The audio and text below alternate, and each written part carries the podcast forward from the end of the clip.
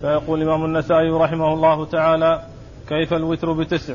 قال أخبرنا هارون بن إسحاق عن عبدة عن سعيد عن قتادة عن زرارة بن أوفى عن سعد بن هشام أن عائشة رضي الله تعالى عنها قالت كنا نعد لرسول الله صلى الله عليه وسلم سواكه وطهوره فيبعثه الله عز وجل لما شاء أن يبعثه من الليل فيستاك ويتوضأ ويصلي تسع ركعات لا يجلس فيهن إلا عند الثامنة ويحمد الله ويصلي على نبيه صلى الله عليه وسلم ويدعو بينهن ولا يسلم تسليما ثم يصلي التاسعة ويقعد وذكر كلمة نحوها ويحمد الله ويصلي على نبيه صلى الله عليه وسلم ويدعو ثم يسلم تسليما يسمعنا ثم يصلي ركعتين وهو قاعد. بسم الله الرحمن الرحيم. الحمد لله رب العالمين. وصلى الله وسلم وبارك على عبده ورسوله نبينا محمد وعلى آله وأصحابه أجمعين. يقول النسائي رحمه الله كيف الوتر بتسع؟ كيف الوتر بتسع ركعات؟ أورد فيه حديث عائشة رضي الله تعالى عنها أن النبي عليه الصلاة والسلام كان يوتر بتسع لا يجلس إلا بعد الثامنة فيذكر الله عز وجل ويصلي على النبي عليه الصلاة والسلام ويدعو ثم يقوم دون أن يسلم ثم يأتي بالتاسعة ويجلس بعدها يتشهد ويصلي على النبي صلى الله عليه وسلم ويدعو ثم يسلم تسليما يسمعهم ثم يصلي ركعتين وهو جالس. بعد ذلك فهذا وتره بتسع ثمانية متصلة ثماني ركعات متصلة ويجلس بعدها ولا ولا يسلم بعد في ذلك الجلوس وإنما ينهض دون سلام ثم يأتي بالتاسعة ثم يجلس ويتشهد ويصلي على النبي صلى الله عليه وسلم ويدعو ثم يسلم. فهذا فهذه تسع ركعات أوتر بها رسول الله صلى الله عليه وسلم ثم بعد ذلك صلى ركعتين وهو جالس. والحديث سبق أن مر وفي أوله تقول عائشة أنهم كانوا يعدونه يعدون له سواكه وطهوره يعني الماء الذي يتطهر به والسواك الذي يستاك به عندما يقوم من النوم. فتقول ثم فيبعثه الله عز وجل ما شاء أن يبعثه أي يوقظه في الوقت الذي شاء أن يوقظه فيه وعبرت بالبعث لأن النوم هو أخو أخو الموت. ولهذا جاء في القرآن الله يتوفى الأنفس حين موتها والتي لم تمت في منامها. يعني يتوفاها في منامها. ثم آه ما شاء الله عز وجل أنه أنها تقبض بتلك المفارقة قبضت وما شاء الله عز وجل أنها تعود وبقي في العمر بقية فإن الروح تعود والموت عندما يجيء الأجل الذي قدره الله عز وجل. فعبر بالبعث لأنه شبيه بالبعث بعد الموت لأن هذا موت أصغر والنوم أخو الموت كما قال ذلك رسول الله صلى الله عليه وسلم. ولهذا قالت فيبعثه الله ما شاء أن يبعثه من الليل. أي الوقت الذي يشاء الله عز وجل أن يستيقظ فيه يستيقظ. ويبعثه الله عز وجل من نومه صلى الله عليه وسلم. فالحديث دال على الوتر بتسع. والنبي عليه الصلاة والسلام جاء عنه أنه آه، أوتر بتسع وجاء أنه أوتر بإحدى عشر وجاء أنه أوتر بثلاثة عشر وجاء أنه أوتر بسبع وجاء أنه أوتر بخمس لكن المعروف عنه صلى الله عليه وسلم أنه ما نقص عن سبع. يصليها من الليل. وما جاء عنه زيادة عن ثلاثة عشر. فيكون ما جاء من ذكر الخمس أي أن قبلها شيء ولكنها خمس متصلة مسبوقة بشيء من الصلاة. وأما إسناد الحديث فيقول النسائي أخبرنا هارون بن إسحاق. هارون بن إسحاق. وهو صدوق أخرج حديثه النسائي وحده. عن سعيد. أه. عن س... عن عبده. عن عبده بن سليمان البصري. عبده بن سليمان البصري وهو ثقة ثبت أخرج حديثه أصحاب الكتب الستة. نعم نعم صح نعم البخاري آه، هارون بن إسحاق أخرجه البخاري في جزء القراءة والترمذي والنسائي وابن ماجه. يعني ذاك شخص آخر. نعم. آه، عن عبده. عن عبده بن سليمان البصري ثقة ثبت أخرج له أصحاب الكتب الستة. عن سعيد. عن سعيد آه ابن أبي عروبة وهو ثقة أخرج له أصحاب الكتب الستة.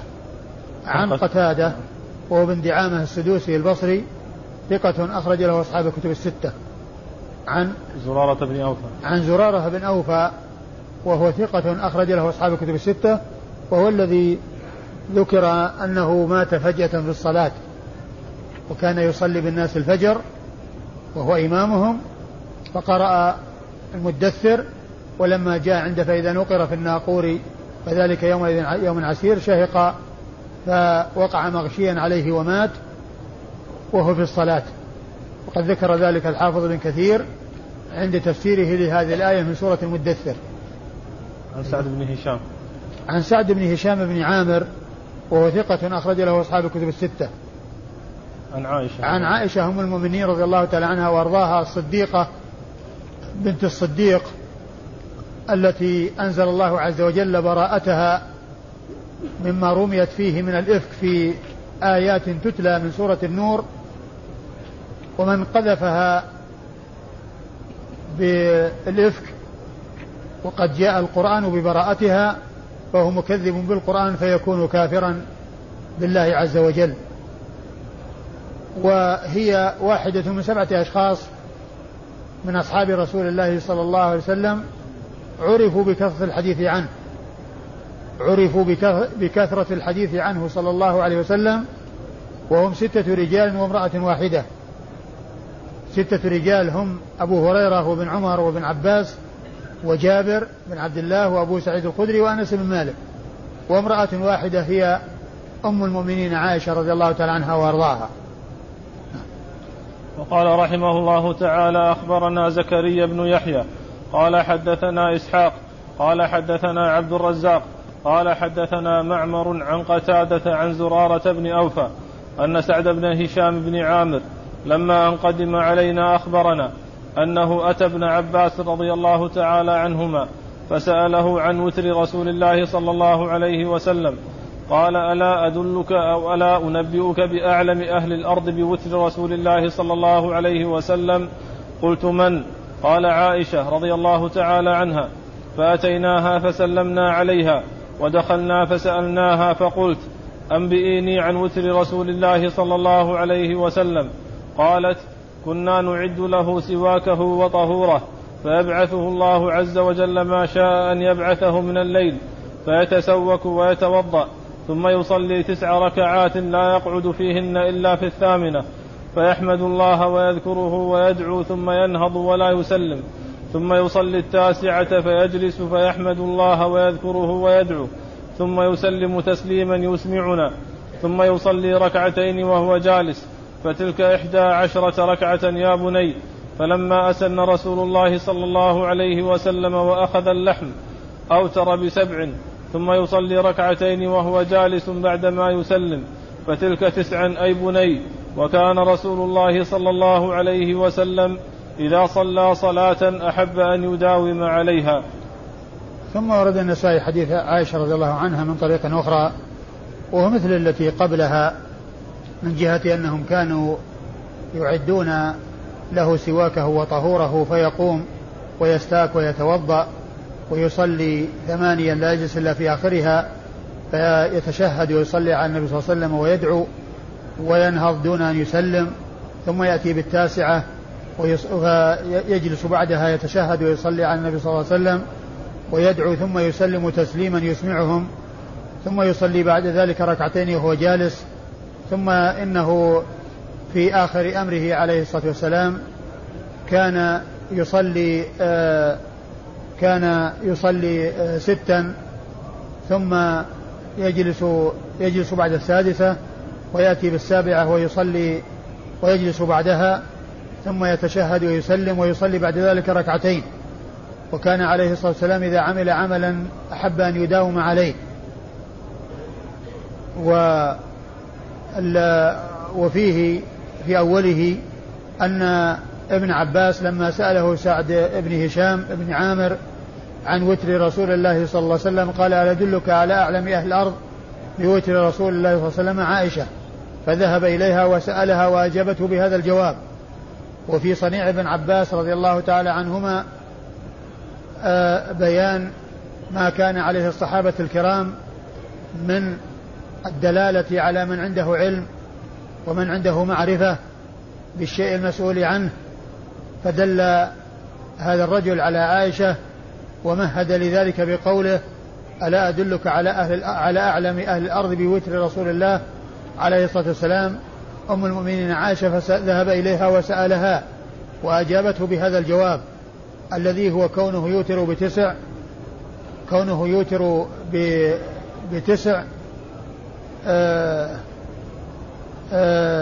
يجلس ثمان متصلة ويجلس بعدها ويتشهد ويدعو ثم يقوم للتاسعة ويجلس بعدها ويتشهد ويدعو ثم يسلم تسليما ثم يصلي ركعتين فتلك إحدى عشر ركعة فتلك إحدى عشرة ركعة.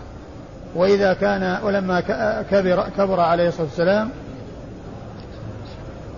ولما أسن عليه الصلاة والسلام صلى ستا يجلس بعد السادسة فيتشهد ويدعو ثم يأتي بالسابعة ويتشهد بعدها ويدعو ويسلم تسليما يسمعهم ثم يصلي ركعتين وهو جالس فتلك تسع أي السبع مع الاثنتين اللتين صلاهما صلى الله صلى الله عليه وسلم وهو جالس. أيوه. أخبرنا زكريا بن يحيى. أخبرنا زكريا بن يحيى. أخبرنا زكريا بن يحيى وهو صدوق. وهو ثقة حافظ. أخرج حديث النسائي. نعم. ثقة حافظ أخرج حديثه النسائي وحده. عن إسحاق. بن إبراهيم. عن إسحاق هو بن إبراهيم. ابن راهوية.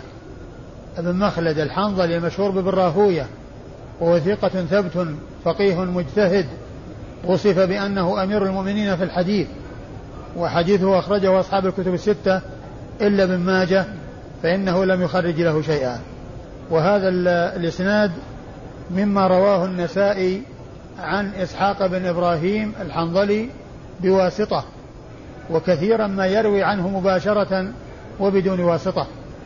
أكثر الروايات التي مرت بنا عن عن إسحاق بن إبراهيم الحنظلي يرويها النسائي عنه مباشرة وأحيانا يروي عنه بواسطة كما هنا فإنه روى عنه بواسطة زكريا بن يحيى وزكريا بن يحيى متأخر وهو من أقران النسائي هو من أقران النسائي و آه وقد روى عنه عن عن عن عن, عن زكريا بن يحيى عن عن إسحاق بن إبراهيم بواسطة.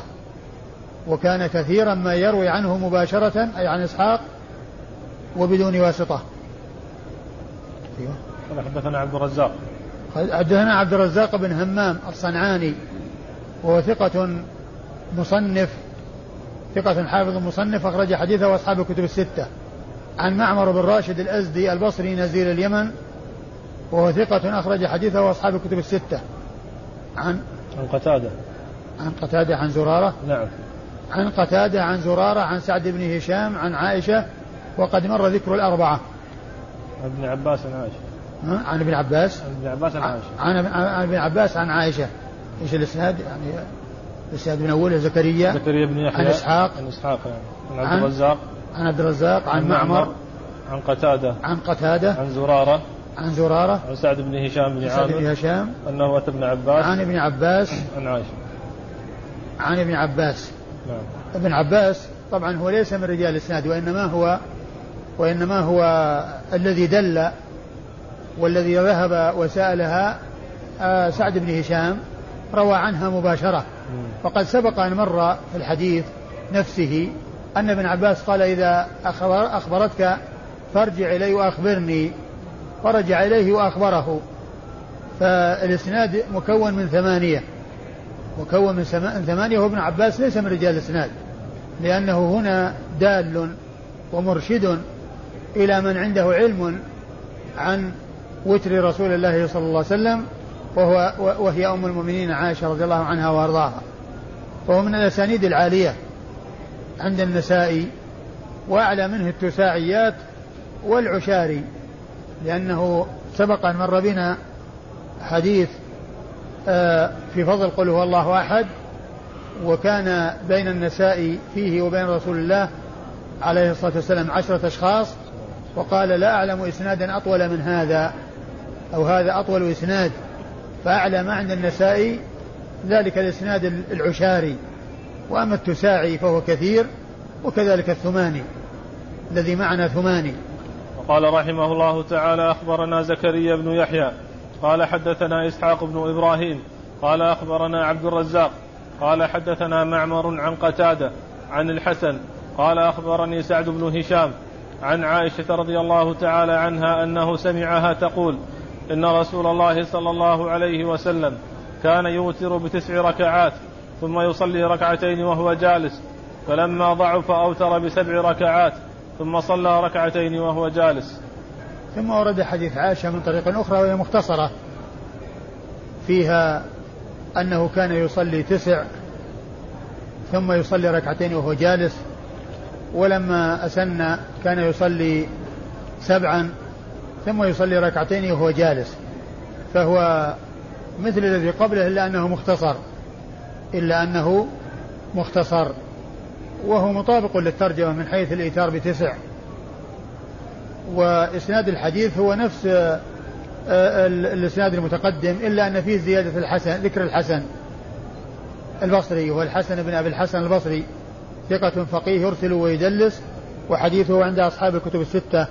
وهذا الحديث ثماني يعني فيه ثمانية أشخاص بين النساء وبين رسول الله صلى الله عليه وسلم. زكريا بن يحيى عن إسحاق بن إبراهيم عن عبد الرزاق عن معمر عن قتادة عن آه، زرارة عن سعد بن هشام عن عائشة ثمانية أشخاص. هذا الإسناد شيخ ما فيه زرارة فيه. ها؟ السند هذا ليس فيه زرارة. يعني زرارة من في بدأ بعد قتادة الحسن. قتادة عن الحسن عن؟ عن سعد بن هشام. عن سعد بن هشام. عن عائشة نعم. عن عائشة يعني فيه أولا زكريا بن يحيى ثم إسحاق بن إبراهيم ثم عبد الرزاق. عبد الرزاق ثم معمر نعم. ثم قتادة. ثم قتادة ثم الحسن. ثم الحسن ثم سعد بن هشام. ثم سعد بن هشام ثم عائشة ثمانية. نعم. نعم. وقال رحمه الله تعالى أخبرنا محمد بن بشار. قال حدثنا حجاج. قال حدثنا حماد عن قتادة عن الحسن عن سعد بن هشام عن عائشة رضي الله تعالى عنها أن رسول الله صلى الله عليه وسلم كان يوتر بتسع ويركع ركعتين وهو جالس.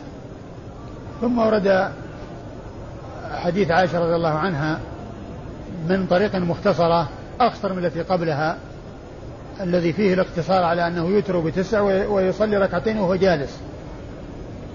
يوتر بتسع ويصلي ركعتين وهو جالس وقد جاء تفصيل الإيتار بتسع بالروايات السابقة أنه يجلس بعد الثامنة ويتشهد ويصلي على النبي صلى الله عليه وسلم ويدعو ثم ينهض دون أن يسلم ثم يأتي بالتاسعة ثم يجلس ويتشهد ويصلي على النبي صلى الله عليه وسلم ويدعو ثم يسلم تسليما يسمعهم إياه ثم يصلي ركعتين وهو جالس فيكون المجموع 11 ركعة. الإسناد أخبرنا محمد بن بشار. أخبرنا محمد بن بشار البصري الملقب بن دار وهو ثقة حديثه أخرجه أصحاب الكتب الستة بل هو شيخ لأصحاب الكتب الستة روى عنه مباشرة وبدون واسطة. عن؟ قال حدثنا حجاج. قال حدثنا حجاج بن منهال البصري. الحجاج بن منهال البصري وهو ثقة أخرج حديثه أصحاب الكتب الستة. قال حدثنا حماد. قال حدثنا حماد بن سلمة بن دينار وهو ثقة عابد أخرج له البخاري تعليقا ومسلم وأصحاب السنن الأربعة. عن قتادة. عن قتادة عن قتادة وقد مر ذكره. عن الحسن عن سعد بن هشام عن عائشة. عن الحسن عن سعد بن هشام عن عائشة وقد مر ذكرهم. وقال رحمه الله تعالى أخبرنا محمد بن عبد الله الخلنجي. قال حدثنا أبو سعيد يعني مولى بني هاشم. قال حدثنا حسين بن نافع.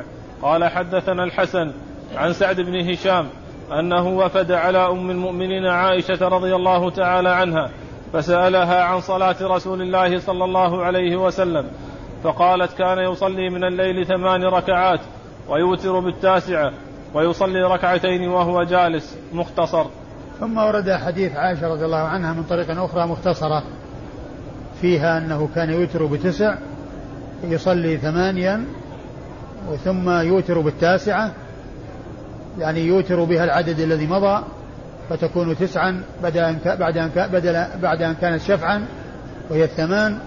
بإضافة التاسعة إليها صارت شفعا صارت وترا ويصلي ركعتين وهو جالس. وقال مختصر أي أن الحديث مختصر. حديث عائشة هذا ذكرت هذه القطعة منه باختصار. وإلا فإنه مطول سبق أن مر بنا بطوله. و وأورده مفرقا مقطعا آه، مختصرا وهذه من المواضع التي روي فيها مختصرا أو رواه فيها مختصرا الإسناد؟ أخبرنا محمد بن عبد الله الخلنجي. أخبرنا محمد بن عبد الله الخلنجي وهو صدوق أخرج له النسائي. صدوق أخرج حديثه النسائي وحده. قال حدثنا أبو سعيد يعني مولى بني هاشم. حدثنا أبو سعيد يعني مولى بني هاشم وهو عبد الرحمن بن عبد الله. عبد الرحمن بن عبد الله. أبو سعيد مولى بني هاشم وهو صدوق آه، يخطئ أو ربما أخطأ. صدوق ربما أخطأ.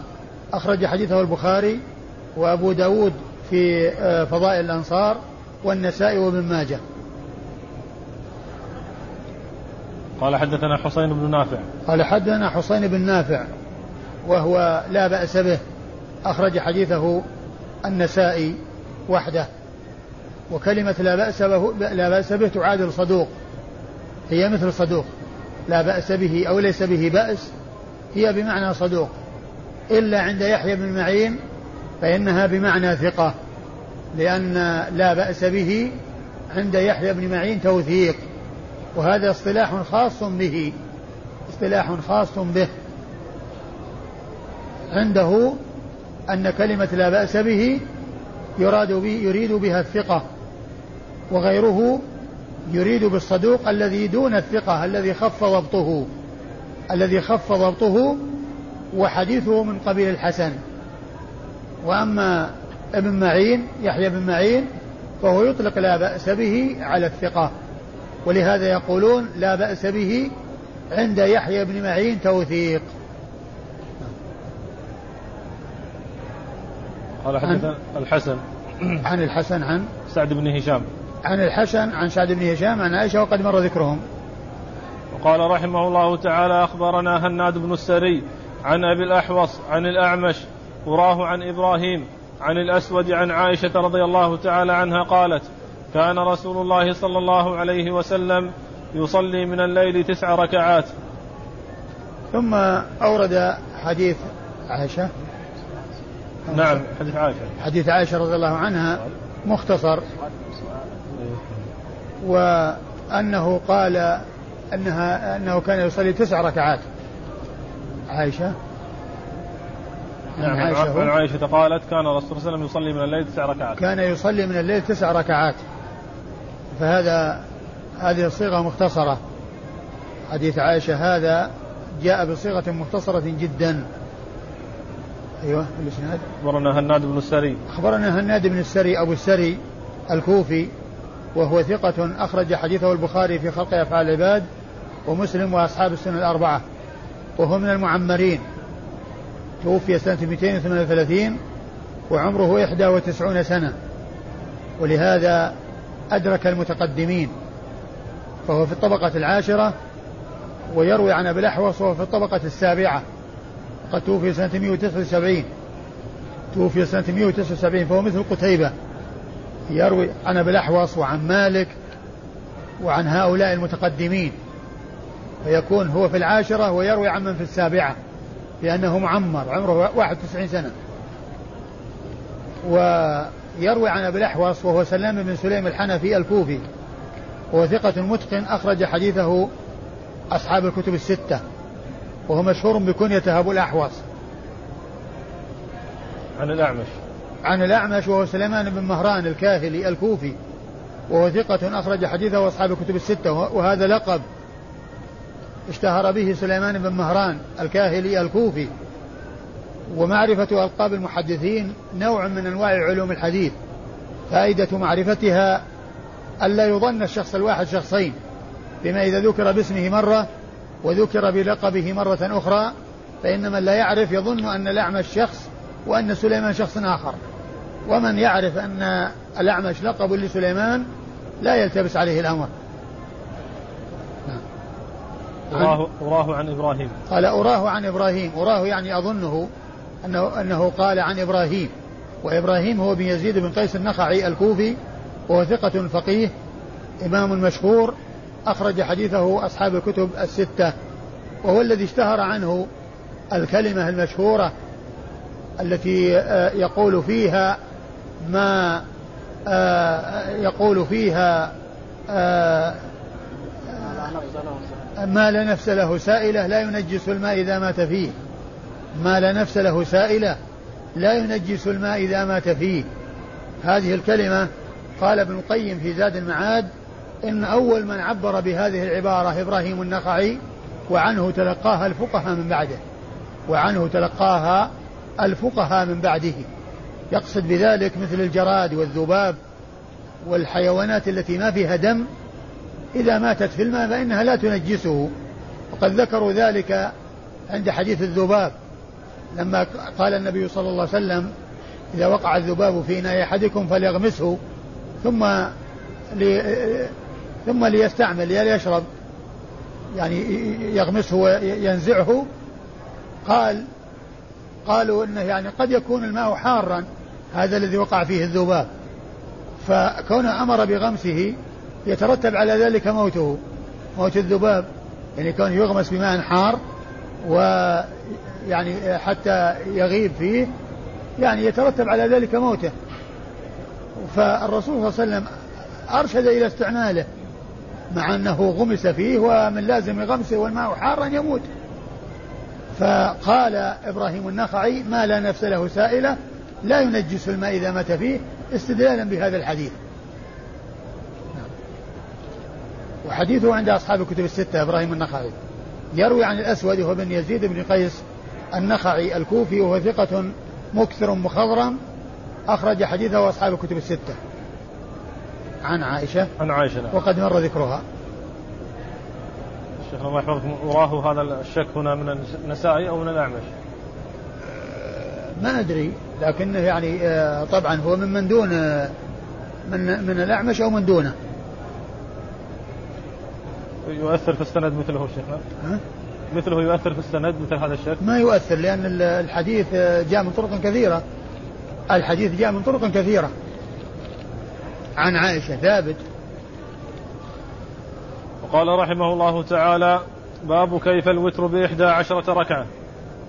قال أخبرنا إسحاق بن منصور قال حدثنا عبد الرحمن قال حدثنا مالك عن الزهري عن عروة عن عائشة رضي الله تعالى عنها أن النبي صلى الله عليه وسلم كان يصلي من الليل إحدى عشرة ركعة ويوتر منها بواحدة ثم يضطجع على شقه الأيمن. ثم أورد النسائي الوتر بإحدى عشرة ركعة. كيف الوتر بإحدى عشرة ركعة؟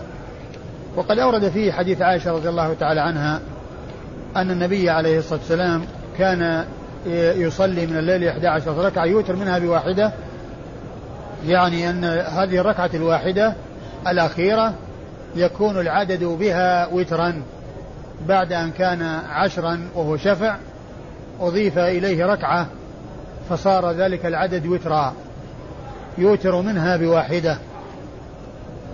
ويمكن أن يكون المقصود بالوتر هو الركعة الأخيرة وحدها أو أنه يطلق على العدد كله الذي قبلها وتر لأنه 11 و11 وتر لأنه ليس شفعا. ليس شفعا. ثم قال ثم ثم, ثم يضطجع على شقه الأيمن. يضطجع على شقه الأيمن. وقد قال الشيخ الألباني إن هذه الرواية شاذة اللي هي قضية الاضطجاع. قال إن هذا المحفوظ أنه بعد آه، ركعتي الفجر كان يضطجع. لكن إذا كان المقصود بالاضطجاع على شقه الأيمن كونه ينام بعد ما يوتر وقد جاء في بعض الأحاديث أنه ينام وقد جاء في حديث عائشة نفسها إن كان له حاجة بأهله ألم بها ثم نام وإذا أذن الفجر وثب واغتسل إن كان عليه جنابة وإلا توضأ وخرج وصلى خرج وصلى. فإذا كان المراد بالاضطجاع هذا النوم الذي يكون فلا يكون شاذا. بل يكون محفوظا ويكون المقصود من ذلك غير النوم الذي بعد ركعتي الفجر. لأنه جاء في بعض الأحاديث أنه كان ينام بعد الوتر. كان ينام وقد جاء عنه عليه الصلاة والسلام أنه قال أن أحب الصلاة إلى الله صلاة داود كان ينام نصف الليل ويقوم ثلثه وينام سدسه. فهو وقد جاء عنه صلى الله عليه وسلم أنه كان يصلي من آخر الليل ثم ينام. ثم يص... ثم ينام. فإذا كان المقصود بهذا الاضطجاع على اليمين هذا النوم فتكون الرواية ما فيها شذوذ. والإسناد؟ أخبرنا إسحاق بن منصور. أخبرنا إسحاق بن منصور بن بهرام المروزي الملقب الكوسج وهو ثقة حافظ أخرج حديثه أصحاب الكتب الستة إلا أبا داود. قال حدثنا عبد الرحمن. قال حدثنا عبد الرحمن بن مهدي البصري ثقة ثبت عارف بالرجال والعلل وحديثه عند أصحاب الكتب الستة. حدثنا مالك عن الزهري. حدثنا مالك بن أنس إمام دار الهجرة المحدث الفقيه الإمام المشهور أحد أصحاب المذاهب الأربعة المشهورة من مذاهب أهل السنة وحديثه عند أصحاب الكتب الستة. عن الزهري؟ نعم. عن الزهري هو محمد بن مسلم بن عبيد الله بن عبد الله بن شهاب بن عبد الله ابن الحارث بن زهرة بن كلاب. ينتهي نسبه إلى جده زهرة بن كلاب ولهذا يقال له الزهري ومشهور بالنسبة إليه ومشهور أيضا بالنسبة إلى جد جده شهاب. ومحمد بن مسلم هذا الزهري ثقة فقيه إمام مشهور آه، مكثر من رواية الحديث عن رسول الله صلى الله عليه وسلم وهو من فقهاء وهو من صغار التابعين. الذين لقوا صغار الصحابة وحديثه عند أصحاب الكتب الستة. عن عن عروة. عن عروة بن الزبير ابن العوام المدني ثقة فقيه أحد الفقهاء السبعة في المدينة في عصر التابعين وهو أحد السبعة باتفاق لأن السبعة ستة منهم متفق على عدهم في الفقهاء السبعة والسابع فيه أقوال ثلاثة.